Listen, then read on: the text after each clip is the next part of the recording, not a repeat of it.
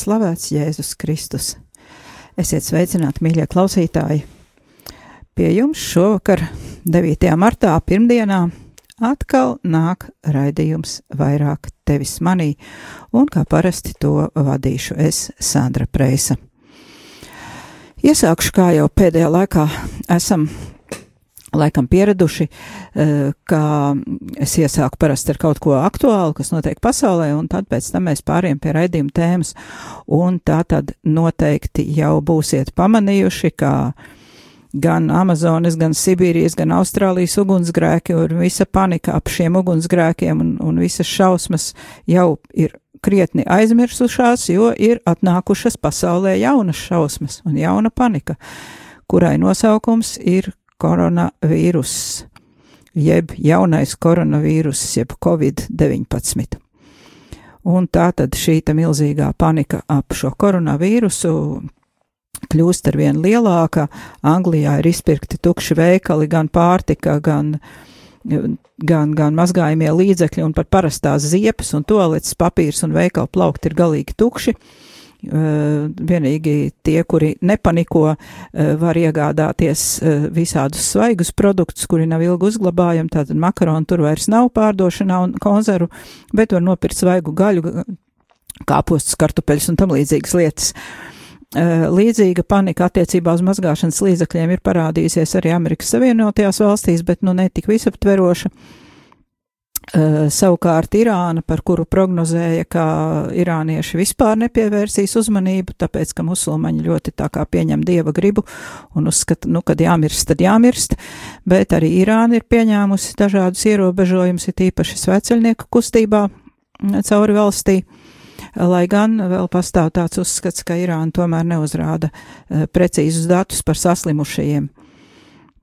Uh, šobrīd īsti nav saprotams, kāpēc šī panika ir sacelta, vai šis vīruss patiešām ir tik ļoti bīstams un pielīdzināms mūsu gadsimta mērim, un tiešām draud iznīcināt, kā savā laikā mēris vai arī spāņu gripa, kādu trešdaļu populācijas Eiropā, kā tas bija arī mēra laikos, vai šo paniku tomēr daļēji ir sacēluši mediji, jo tādā veidā viņi ceļ savu reitingu un nopelna labu naudu, jo ir arī dati par to, ka uh, ir slēgti dažādi interneta mediji, arī Facebook lapas un tam līdzīgi, kuru kuras pārsvarā nāca no Krievijas tā saucamajām troļu fabrikām, un kur šī te panika patiešām tika tā mākslīgi veidota. Uh, tomēr, nu, valstis visas pieietam nopietni, Itālija šobrīd ir gandrīz trešo daļu teritorijas noteikusi karantīnu. Air Baltica ir aizliedzis ceļojumus, atcēluši reisus uz Itāliju un no Itālijas. Bet galu galā to īsto patiesību tik un tā saprast nevar. Un, kā saka viens žurnālists no Amerikas Krievu programmas, ja jums liekas, ka jūs visu saprotat, tas nozīmē, ka jums visu nestāsta. Lūk, es atradu internetā kādu statistikas portālu, kas saucās Valdametrs. Tātad tur ir statistika par daudz dažādām lietām, tajā skaitā arī par koronavīrusu, un tur, kā saucamajā online, nemitīgi atjauno datus. Un tātad šodien, 9. martā, pulksten 19.30 ir atjaunoti dati, un tie ir šādi 114 054 cilvēki ir apstiprināti kā inficēti ar koronavīrusu. Tātad tie ir cilvēki, kuru analīzes ir apstiprinājušas, ka viņiem tiešām šis vīruss ir, un 4003 cilvēki ir miruši. Tas ir visā pasaulē, ieskaitot Ķīnu, Irānu, Itāliju un visas pārējās valstis, eh, kurās ir izplatījies šis vīrus, un nu patās vakarā dzirdēju ziņās, ka Vācijā esot pirmais eh, nāves gadījums. Eh, Runājot par nāves gadījumiem, eh, nekur ziņās neuzrāda, vai tie ir vīrieši vai sievietes vai bērni vai jauni cilvēki vai veci cilvēki vai grūtnieces vai vēl kaut kā. Bet es speciāli meklēju informāciju, lai atrastu, kā tas ietekmē kaut kādas konkrētas cilvēku kategorijas. Un tā tad eh, Pasaules veselības organizācijas ģenerāldirektors dr. Tedrus Adhanoms eh, atklājot 3. marta paziņojums, tas ir no 3. marta tātad eh, par Covid-19 sacīja, ka kopumā aptuveni 3,4% no pierādītajiem ziņotajiem Covid-19 gadījumiem ir uh, miruši. Tātad 3,4% ir mirstība uh, pagaidām piefiksēta šim te vīrusam, un salīdzinājumā ar sezonālo gripu uh, parasti ir ap 1% nāves gadījumu. Tā tad ir 3,4 reizes lielāka mirstība no šā vīrusa komplikācijām nekā no parastās gripas. Savukārt, iepriekš pazīstamiem koronavīrusiem, kas bija ar nosaukumu SARS un MERS. SARS vīrusam bija 10% mirstība, jā, tātad šim patēreiz ir kaut 3,4 pagaidām, un MERS vīrusam bija 34%, tātad nesalīdzinām lielāka mirstība.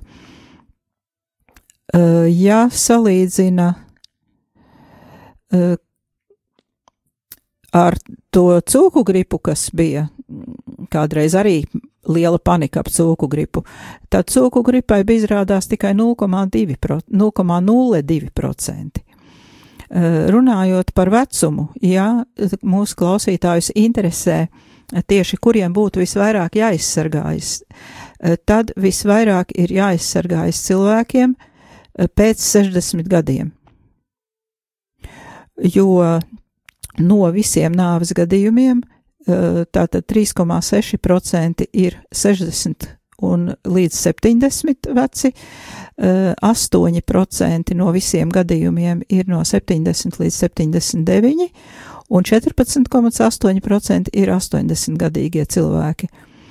Un tas ir izskaidrojums ar to, ka šajā vecumā cilvēkiem ir vēl visādas citas slimības. Eh, Līdz 9 gadu vecumam eh, slimī, slimu vispār nesot, nav, nav konstatēts vīruss nevienam bērnam līdz 9 gadu vecumam ieskaitot. No 10 gadu vecumam ir mirstība 0,2%, un tāda mirstība 0,2 ir līdz 40 gadu vecumam, no 10 līdz 40 gadu vecumam. Un tad tālāk tā sāk nedaudz augt. Tā tad visvairāk ir jāuzmanās tiem cilvēkiem, kuriem ir 60 gadi un vairāk, un visiem, kas ir slimi. Tā tad, tad vēl ir um, slimības, kuras ir, nu, ja jums kādam ir šīs slimības, tad jūs zinat, ka jums arī ir īpaši jāuzmanās. Tātad, ja tās ir sirds slimības dažādas, ja tas ir diabēts, ja jums ir kaut kādas hroniskas elpošanas sistēmas, astma, tuberkuloze, bieži plaušu karsoņi un tam līdzīgi. Eh, Tad, ja jums ir paaugstināts asinsspiediens, nopietni paaugstināts asinsspiediens, un ja jūs slimojat ar vēzi. Cilvēki, kuri nav pilnīgi ne ar ko pirms tam slimojuši, un tikai vīruss viņam ir bijis, 0,9% no visiem nāves gadījumiem ir šādi cilvēki, kuri ir bijuši pilnīgi veseli un tieši no paša vīrusa nomiruši. Tātad 0,9% pārējie visi ir bijuši ar kaut kādām slimībām. Un tā tad eh, ir pilnīgi skaidrs, ka šovakar mēs lūksimies, lūksimies par visu šo vīrusu problēmu pasaulē un īpašā veidā lūksimies arī par mirušo dvēselēm. Eh, Bet paši mazgāsim rokas, būsim uzmanīgi. Ja jūtam, ka esam apaugstējušies, neiesim ārā no mājām bez vajadzības, bet tiem, kuriem ir kaut kāda riski, tie, kurus es nosaucu, Tādiem cilvēkiem vislabāk būtu neapmeklēt vietas, kurās ir vienopus daudz cilvēku. Ja jūs esat gados vecāki un ar slimībām, varbūt, lai jaunieši jums atnes pārtiku no veikaliem, neiet uz lielveikaliem paši. Lai gan Latvijā šobrīd ir tikai seši cilvēki apstiprināti, ka viņi ir slimi, un vēl neviena mirušā nav, un ir jau daži, kas ir izārstējušies no šiem. Tātad tagad lūksimies, pēc lūkšanas uh, skanēs arī muzika, Eh, Salve Regina lūkšana, eh, kuru mēs visi labi zinām, un ver, tie, kas zina latīņu vārdus, varēs arī dziedāt līdzi. Tātad tagad sākam lūkšanu Dievu Tēvu un Dēla un Svētā gara vārdā Āmen. Tēvs, mēs visi lūdzam Tevi par šo te situāciju pasaulē, par cilvēkiem, eh, kuri ir zaudējuši drosmi, par cilvēkiem, kuri ir krituši panikā, par visiem tiem, kuri ir pilnībā apjukuši. Lūksimies par tiem, kuri slimības dēļ, eh, kura izplatās apkārt, varbūt paši nebūdami slimi, eh, nevar iet uz darbu, nevar nopelnīt naudu, nevar eh, uzturēt, varbūt, un turpmāk nevarēs uzturēt savus bērnus, ja viņi slim, slimības dēļ ir bijuši mājās nav gājuši uz darbu, nav strādājuši un nevarēs saņemt algas. Tas nozīmē, eh, ka viņiem būs kaut kādas materiālas problēmas. Mēs lūdzamies, mīļais Tēvs, par visiem šiem cilvēkiem, gan par tiem, kuriem ir materiāls problēmas un būs noteikti materiāls problēmas, gan par tiem, kuriem ir problēmas ar veselību, un lūdzamies arī Tevi, Tēvs, par visiem tiem, kuri jau ir miruši eh, šī te vīrusa dēļ, eh, esi žēlīgs viņiem un ieved viņus savā valstībā. Tēvs mūsu, kas esi debesīs, svētīts lai top tavs vārds, lai atnāk tava valstība, tavs prāts, lai notiek kā debesīs, tā arī virs zemes. Mūsu dienascho maizi dod mums šodien, un piedod mums mūsu parādus, kā arī mēs piedodam saviem parādniekiem, un neieved mūsu kārdināšanā, bet atpestī mūs no ļauna Āmen. Esi sveicināta, Marija, žēlstības pilnā kungs ir ar tevi. Tu esi svētīts starp sievietēm, un svētīts ir tavs miesas auglis Jēzus. Svētā Marija, Dieva māt, lūdz par mums grēciniekiem, tagad un mūsu nāves stundā Āmen. Es esmu svēt, gods lai ir tēvam un dēlam un svētiem garam, kā tas no iesākuma ir bijis, tā tagad un vienmēr un mūžīgi mūžos. Āmen! Un tagad lūksimies Salve Regina latīniski dziedāsim līdzi Dominikāņu brāļiem. Salve.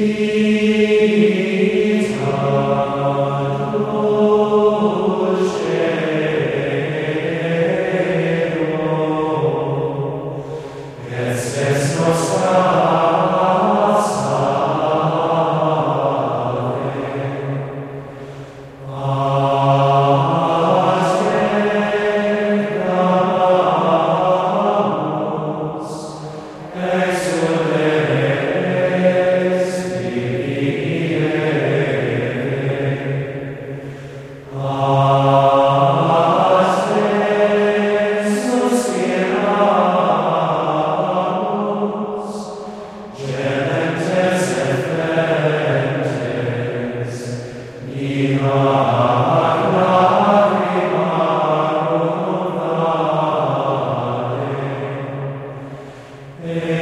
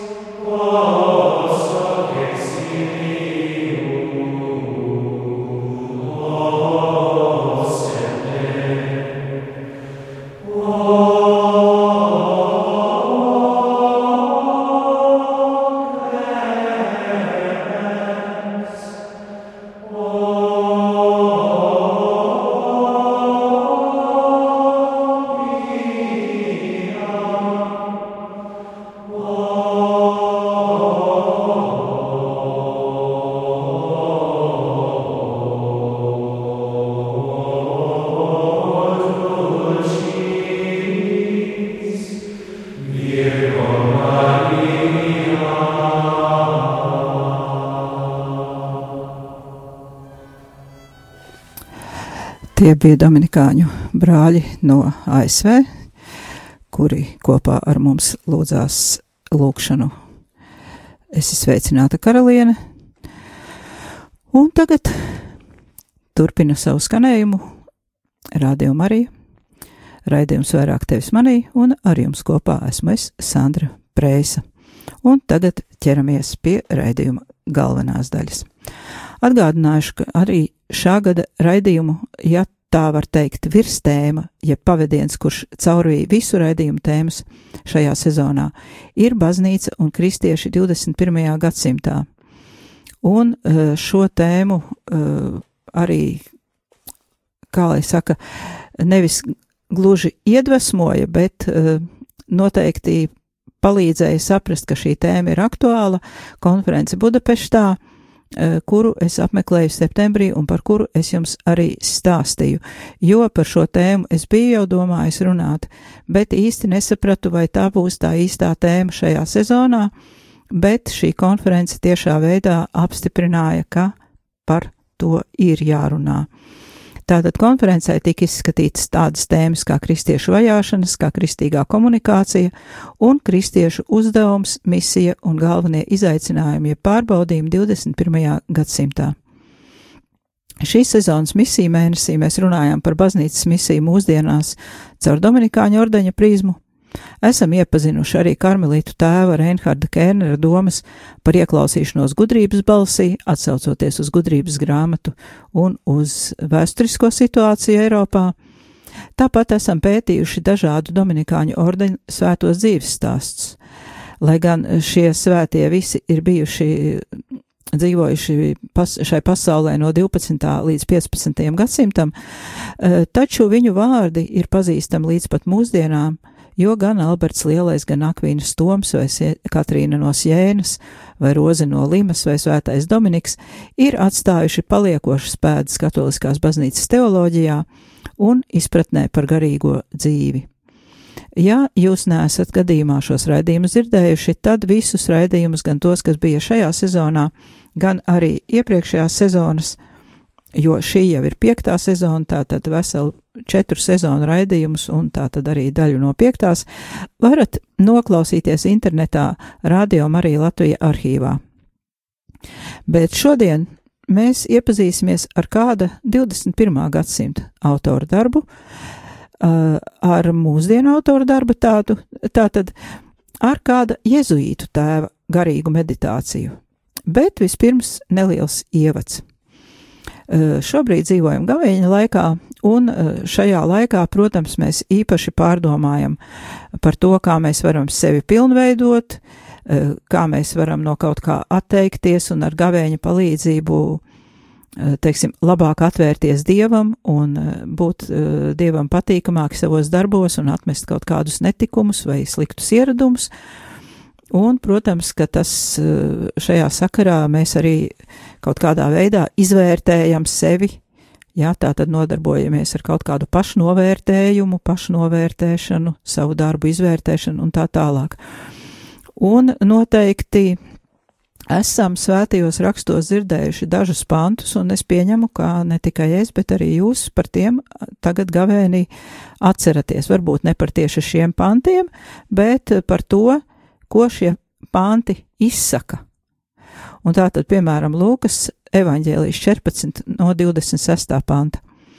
Ja kāds nāk pie manis un neienīst savu tēvu un māti, sievu un bērnus, brāļus un māsas, un pat savu pašu dzīvību, tas nevar būt mans māceklis. Lūkas 9. 9. nodaļa 23 un viņš, Jēzus, sacīja uz visiem: Ja kāds grib man sekot, tad tāds, lai aizliedz sevi, ikdienas ņem uz sevi savu krustu un staigā man pakaļ. Savukārt apustulis Pāvils pirmajā vēstulē korintiešiem 4.7. Uh, uzdod jautājumu, jo Korintas draudzē tur bija problēmas, kur cilvēki dalīja, kurš ir galvenais un kurš mazāk uh, svarīgs un kurš priekšnieks vai kurš garīgais tēvs ir eh, spēcīgāks, nu tur bija tāda problemātiska tā draudze. Un tā tad um, apustulis Pāvils uzdod šādu jautājumu. Ar ko tu esi pārāks? Kas tad tev ir, ko tu nebūtu saņēmis? Bet, ja tu esi saņēmis, tad kāpēc tu lepojies, it kā nebūtu saņēmis?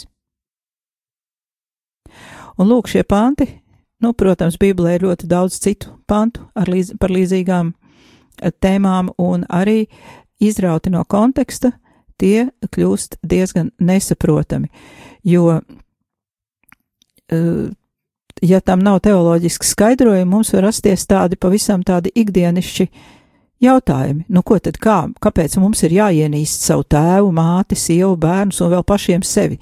Un tai pašā laikā mēs zinām, ka Dievs mūs mīl un saka mīli savu tuvāko kā sevi pašu, un tur rodas kaut kāda pilnīga absolūta nesaskaņa. Tā kā Bībele runā pati sev pretī, te, te ienīsti, te mīli, ja? Un uh, atkal, ja kāds grib man sekot, tad lai viņš aizliedz sevi. Nu atkal, aizliegt vai mīlēt? Savukārt eh, šajā apustula Pāvila tekstā par to, ja tu esi saņēmis, tad kāpēc tu lepojies, it kā nebūtu saņēmis. Šeit arī pirmajā brīdī nevar saprast, kāpēc man jālepojas, ja es neesmu saņēmis, bet te arī tā ideja ir tāda, ka mēs visu esam saņēmuši, bet mēs lepojamies tā, it kā tas, kas mums ir, būtu nevis saņemts, bet it kā mēs paši tas būtu mūsu nopelns, ka mums tas ir. Ja? Un tādā nozīmē mēs lepojamies, ka neesam saņēmuši, ja? tāpēc, ka, nu, ko tam mēs saņēmuši? Mums visiem pas, pašiem tas ir jau, mēs paši esam tie lielie, kam ir viss. Ja? Un tā tad eh, šeit tie jautājumi ir, var rasties par šiem pantiem, nu, ne tādi vien. Un uh, iepriekšējās sezonās mums jau ir bijuši raidījumi, mēs esam runājuši par to, ko tad mums īsti ar sevi darīt. Tad ienīst, atteikties vai mīlēt.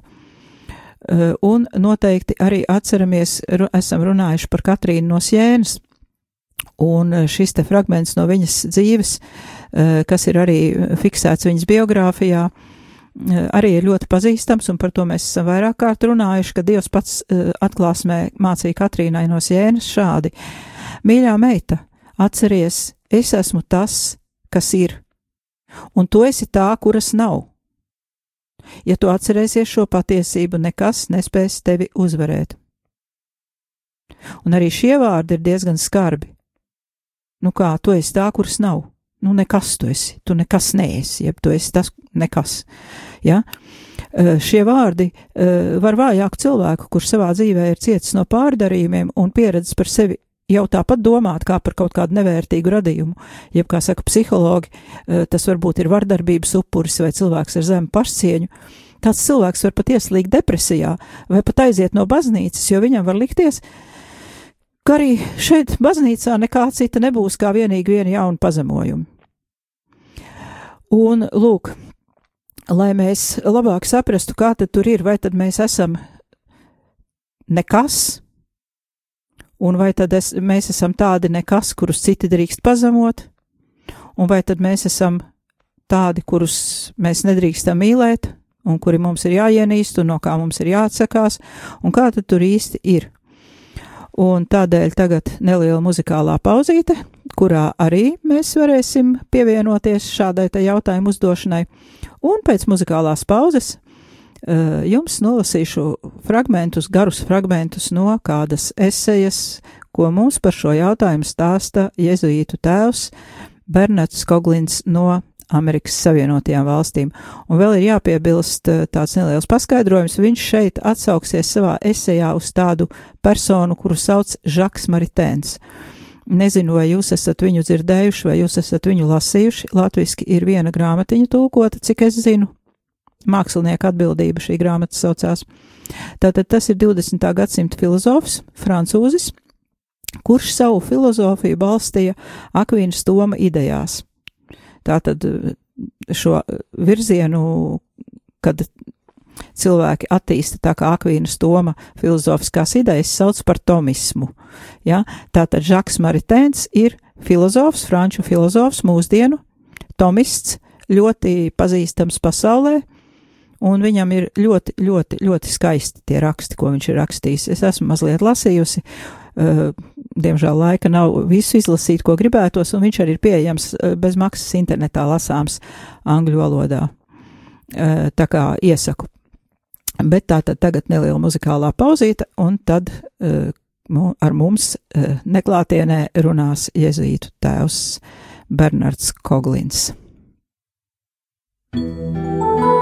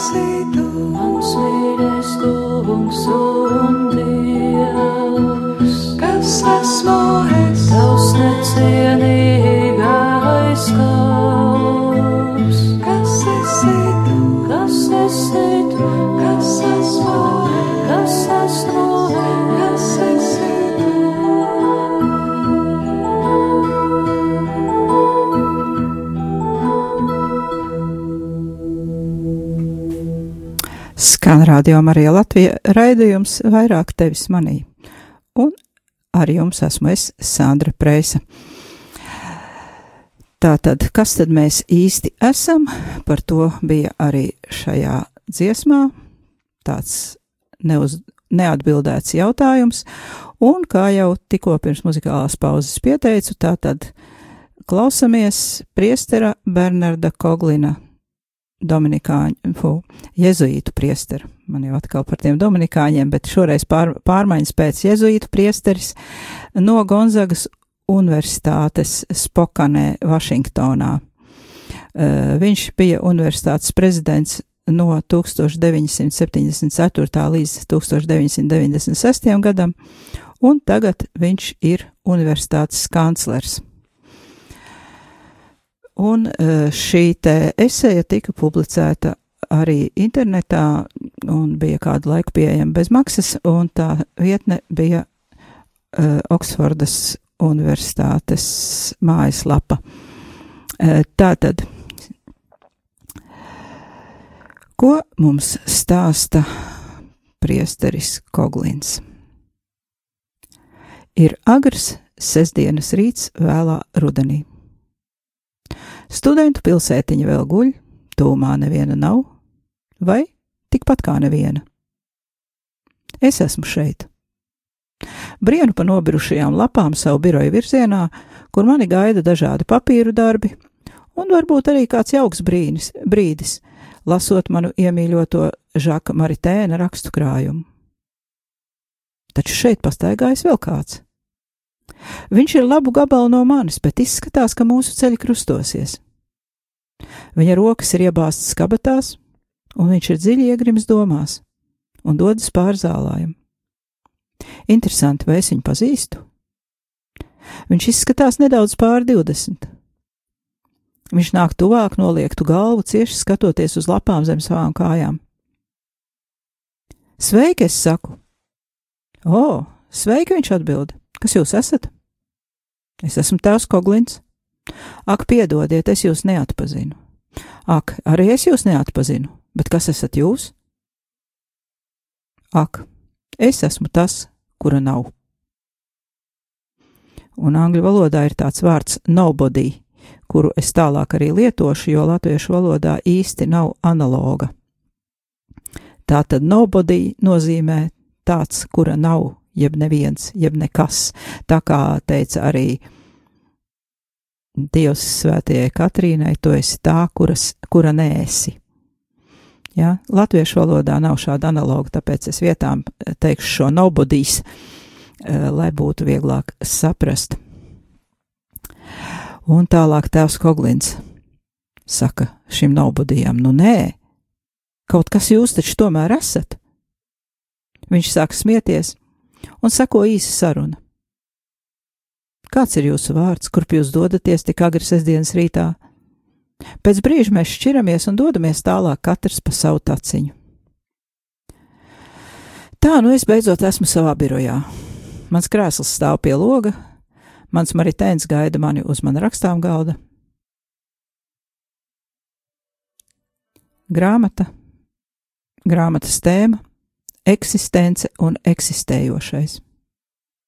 Es paņemu grāmatu un apsēžos pie loga, domājot par neseno sastapšanos. Ak, es esmu nekas, nobody.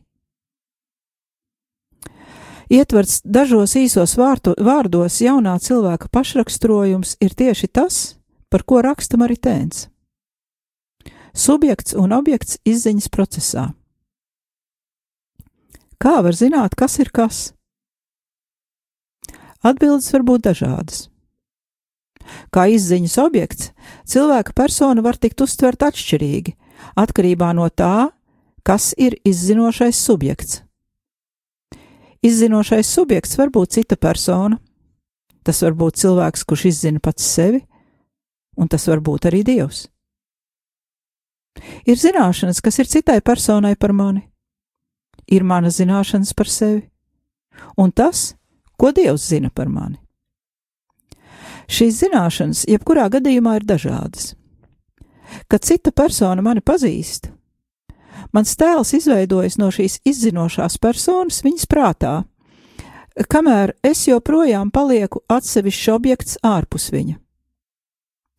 Lai arī cik labi kāds mani pazītu, es nekad netikšu pilnībā aptverts un saprasts.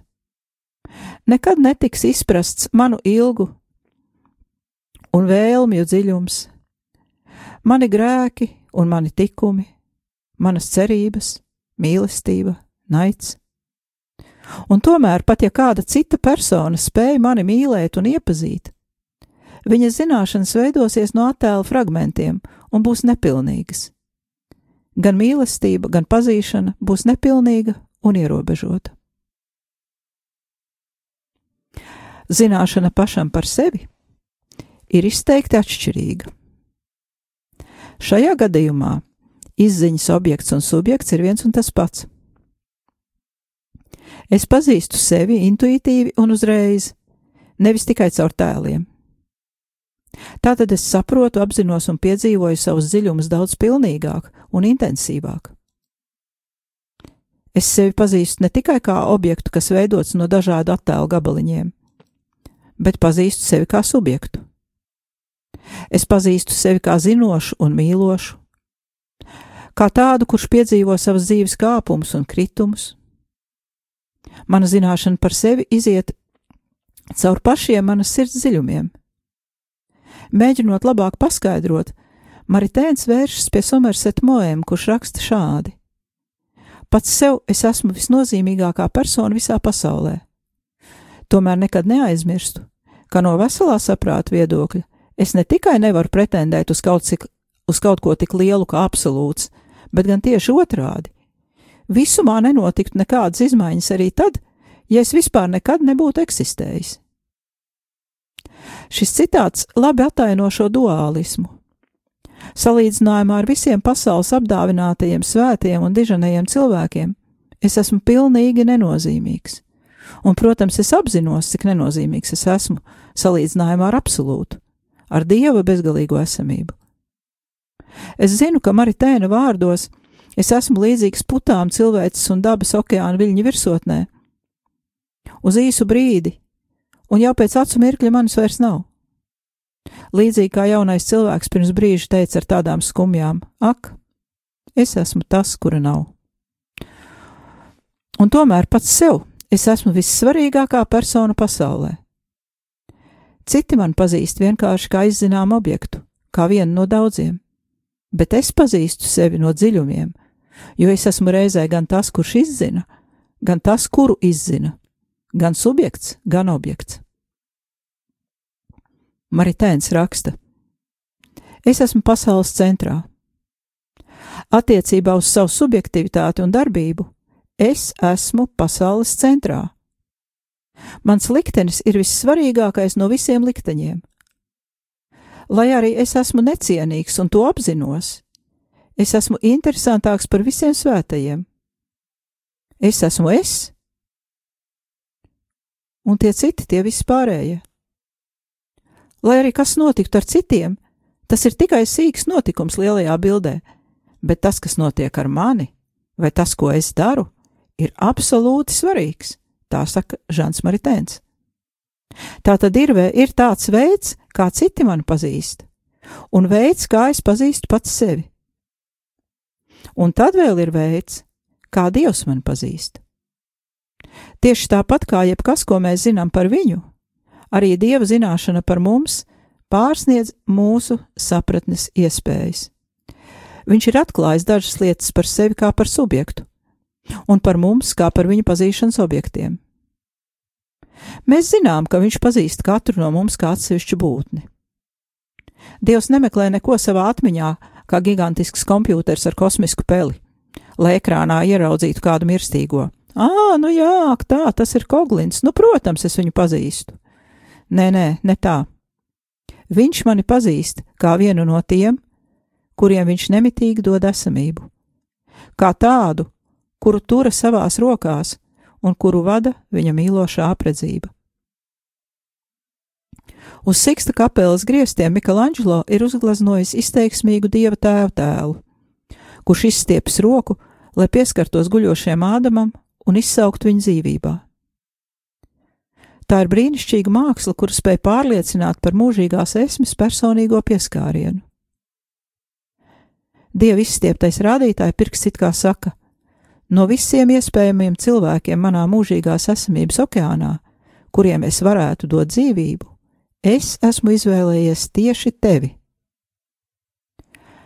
Tāpat kā viņš pazīst Ādamu, viņš pazīst mani uzreiz pats sevī, kā manas esamības avotā un iemeslā. Bez jebkādas nepieciešamības veikt kaut kādas garīga rakstura pārdomas. Viņa mīlestība liek pastāvēt man un visam, kas ir man apkārt. Tas, kā viņš pazīst mani, ir mīloša pazīšana. Viņš pazīst mani kā personu, kura, mīl, kura ir šīs mīlestības saņēmējs.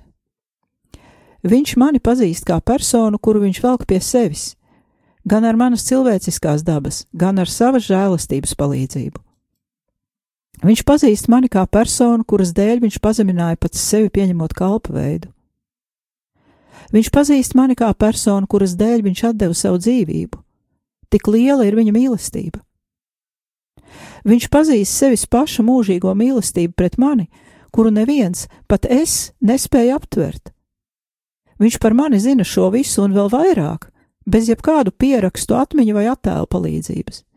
Bet vienkāršā mīlestības aktā, ar kuru palīdzību viņš ļauj man turpināt būt caur savu radošo spēku. Neviens nepazīst mani tā, kā Dievs pazīst, pat es pats nē. Kā Maritēns ir teicis, vienīgi viņš mani pilnībā pazīst, es nepazīstu pats sevi. Šie visi trīs pazīšanas līmeņi ir patiesi, lai gan atšķirīgi. Es biju nekas, pirms viņš izsauca mani dzīvībā. Un par mani nekas nebija zināms, līdz kamēr viņš piešķīra man eksistenci. Nekas no manis nav apslēpts viņa pazīšanai, un viņa mīlestība, un viņa mīlestībai. Jaunajam cilvēkam, kuru sastapu šodien no rīta, bija taisnība. Es esmu nekas, ja vien Dievs mani nepadara par kaut ko. Un te arī ir šī atšķirība. Pats Dievs mums to atklāja psalmā numur 139. Psalms saka tā: Kungs, tu izproti mani visos sīkumos un man pazīsti. Tu zini, vai es sēžu vai ceļos. Tev ir skaidrs manas domas jau no tālienes. Vai es eju vai guļu, tu esi ap mani, un tev ir zināmi visi mani ceļi. Jo nav vārdu uz manas mēles, kas tev, kungs, nebūtu zināms. Dievs nav radījis un mīlējis cilvēci, kas ir abstrakcija. Viņš rada un mīl individuālas personas, kuras ir radījis, kā viņš saka, radīšanas grāmatā, pēc sava attēla. Katrs no mums, kā atsevišķa un galīga būtne, ir no viņa, viņā un viņam radīta. Psalms 139 turpina: Tu esi ap mani no visām pusēm, tu turi savu roku pār mani Šī atziņa man ir pārāk brīnišķīga un pārāk augsta, es nevaru to saprast. Kurp lai es aizēju no tava gara, un kurp lai es bēgu no tava vaiga? Ja es kāptu debesīs, tur esi tu, ja es nokāptu ellē, tu esi arī tur. Ja man būtu rītausmas spārni un es nolaistos jūras malā, arī tur tu mani vadītu. Tava labā roka mani turētu. Ja es teiktu, galīga tumsa, lai mani apklāj, un par nakti, lai kļūst ap mani gaisma, tad arī tumsība tev nebūtu tumša un naktis tev spīdētu kā diena, tumsība tev būtu kā gaisma. Jo tu radīji manas īkstis, tu mani veidoji un piešķīri man ķermeni manas mātes miesās. Es tev pateicos, ka esmu tik brīnišķīgi radīts. Brīnišķīgi ir tevi darbi, mana dvēsele to labi zina. Manas būtnes veidojums tev nebija apslēpts, kad es slepenībā tapu radīts zemes dziļumos veidots. Tavs acis man redzēja kā bezmiesas iedīgli, un tavā grāmatā bija rakstītas visas manas dienas, jau noteiktas, ka to vēl nebija it nevienas. Un tā, lūkojoties pa logu, es atkal redzu kustamies kādu vientuļu figūru. Tas ir tas pats jaunais vīrietis, kur bija saticis un tagad viņš gāja pa citu ceļu.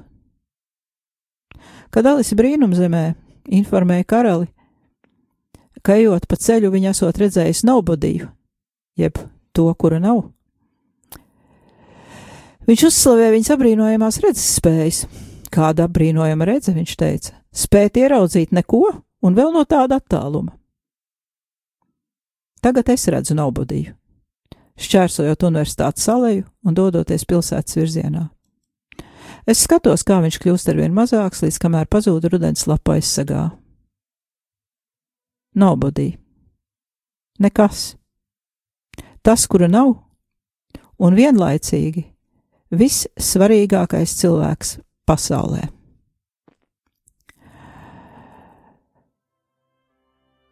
Tātad ar to mēs arī šovakar beigsim. Tas bija raidījums vairāk tevis manī.